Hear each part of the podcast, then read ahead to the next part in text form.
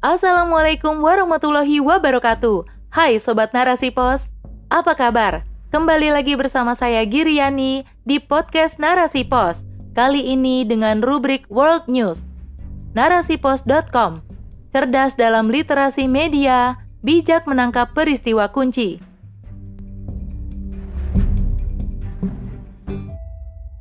Semarak sambut Natal di Arab Saudi, bukti salah kaprah dalam toleransi oleh Neneng Sri Wahyuningsih. Beberapa waktu silam, Arab Saudi dihebohkan dengan perayaan Riyadh Season. Kali ini digemparkan dengan semarak menyambut perayaan hari kelahiran yang dianggap Tuhan. Padahal sebelumnya perayaan tersebut sangat tabu dan dilarang di negeri ini. Namun, kini fakta berbicara lain. Seperti diwartakan dalam detik.com, pemandangan Natal tahun ini sungguh berbeda. Beberapa ekspatriat mengatakan bahwa perayaan kali ini sangat istimewa karena di kafe, restoran, dan beberapa tempat lainnya disulap dengan pernak-pernik khas Natal.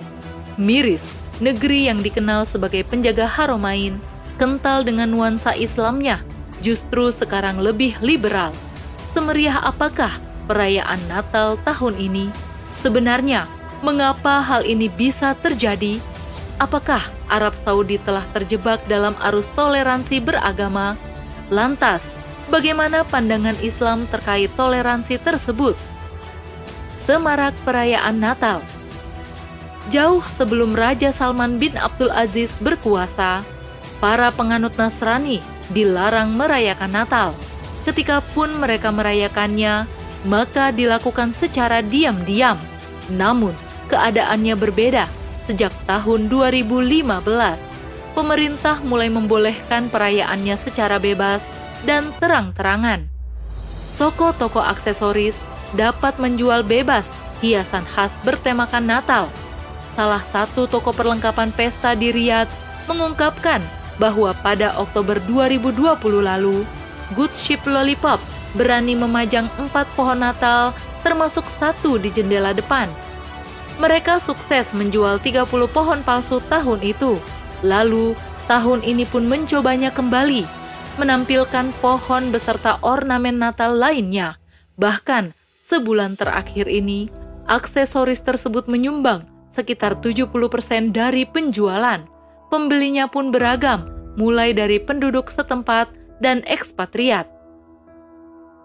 Beberapa kafe juga menawarkan kalender dan hidangan dengan nuansa Natal. Bebasnya perayaan Natal tahun ini sangat dirasakan oleh beberapa ekspatriat yang tinggal di Arab Saudi. Saling berbagi hadiah dan melakukan tradisi lainnya yang kental dengan perayaan tersebut – Bahkan ada pula warga setempat yang notabene seorang muslim menyatakan bahwa dirinya tidak masalah mengikuti perayaan ini. Ia menganggap perayaan tersebut seperti perayaan tahun Hijriah. Adanya kebebasan seperti di atas memantik reaksi umat Islam, khususnya dari internal warga Arab. Masih ada di antara mereka yang tidak rela dan tidak suka dengan adanya budaya dan nilai-nilai dari luar Islam berkembang di negerinya. Sebagaimana yang disampaikan Munirah Al-Nujaiman, seorang guru bahasa Inggris di Universitas Putri Nauroh.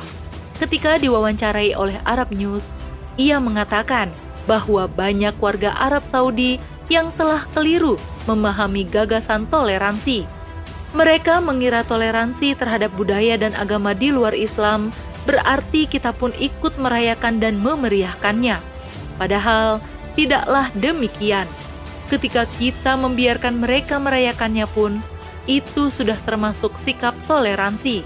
Tidak perlu kita sebagai seorang muslim ikut-ikutan merayakannya karena sudah jelas tidak mencerminkan identitas dan agama kita.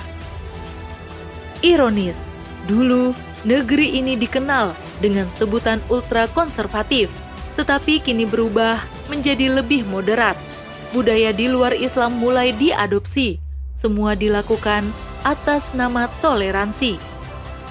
Reformasi Kerajaan Arab Saudi Ketika saat ini dunia menyaksikan negeri Saudi lebih moderat dibandingkan sebelum-sebelumnya, tentu hal tersebut tidak terjadi begitu saja. Jika ditelisik, tren keterbukaan dan toleransi ini mulai terjadi sejak Raja Salman bin Abdul Aziz dan putra mahkota Muhammad bin Salman berkuasa pada tahun 2015. Mereka berusaha mereformasi negerinya. Keduanya mempublikasikan visi 2030 yang memuat perubahan besar-besaran, mulai dari perekonomian hingga sosial dan hukum di Arab Saudi. Di bawah kepemimpinannya, Arab Saudi ingin mengubah haluan bahwa negerinya bukan lagi negara yang kaku dan kuno terhadap budaya di luar Islam, serta ketat terhadap aturan agama, melainkan negara yang bebas dan terbuka bagi siapa pun dan agama mana pun.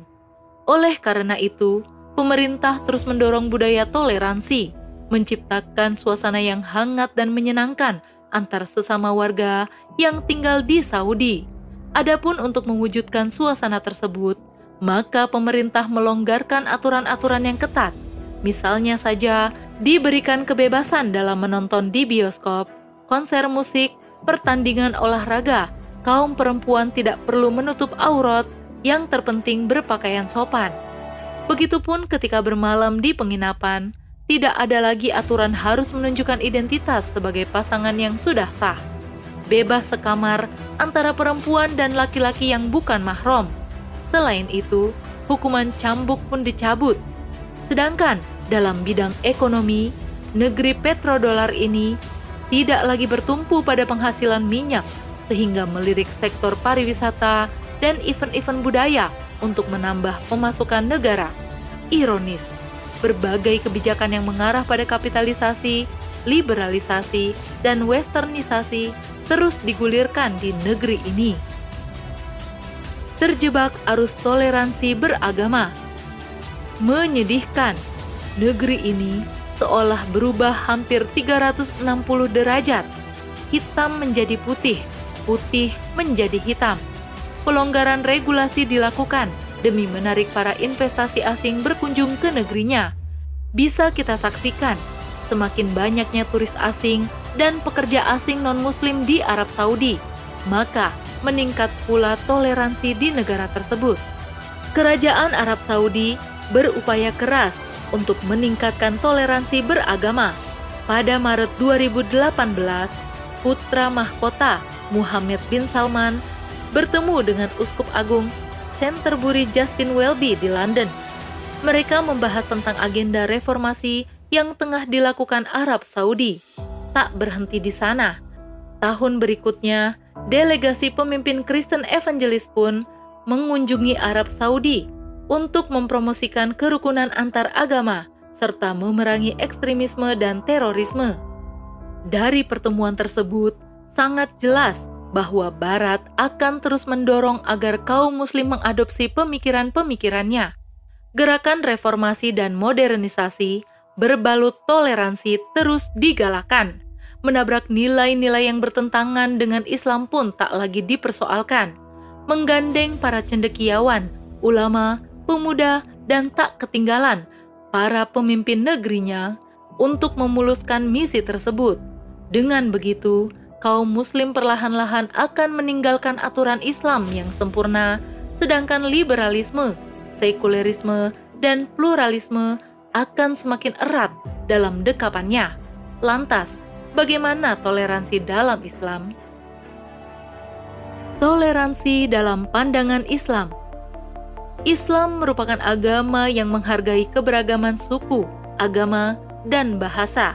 Hanya saja, menghargai bukan berarti mengikuti ajaran dari agama lain atau menganggap bahwa semua agama itu sama, melainkan membiarkan mereka melakukan aktivitas keagamaannya tanpa turut campur di dalamnya dan tidak memaksakan mereka untuk masuk Islam.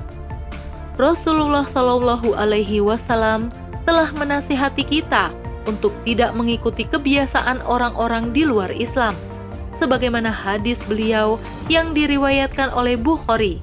Sungguh, engkau akan mengikuti tradisi orang-orang sebelum kalian, sehasta demi sehasta, sejengkal demi sejengkal, Bahkan, andai mereka masuk lubang biawak, niscaya kalian mengikuti mereka. Kami bertanya, Wahai Rasulullah, Yahudi dan Nasranikah mereka? Beliau menjawab, Siapa lagi kalau bukan mereka? Hadis di atas menjelaskan bahwa haram mengikuti akidah dan ibadah yang berasal dari luar Islam, baik itu sebatas memberikan ucapan selamat, terlebih jika mengikuti perayaannya. Ketika kita mengikutinya, maka sama saja dengan meyakini kepercayaan mereka dan hal tersebut berbenturan dengan Quran Surat Maryam ayat 88 hingga 89 dan Quran Surat Al-Ma'idah ayat 72 hingga 74. Meski demikian, Islam tetap membolehkan untuk berinteraksi dengan non-muslim dalam hal-hal yang mubah seperti jual beli, saling menjenguk, dan bertetangga. Hal ini juga pernah dicontohkan oleh Rasulullah Wasallam yang bertetangga baik dengan orang Yahudi di samping itu, kita sebagai umat Islam harus meyakini bahwa hanya Islamlah agama yang benar dan diridhoi oleh Allah Subhanahu wa taala. Oleh karena itu, kita harus mencampakkan segala ide-ide moderasi agama yang menganggap bahwa semua agama sama.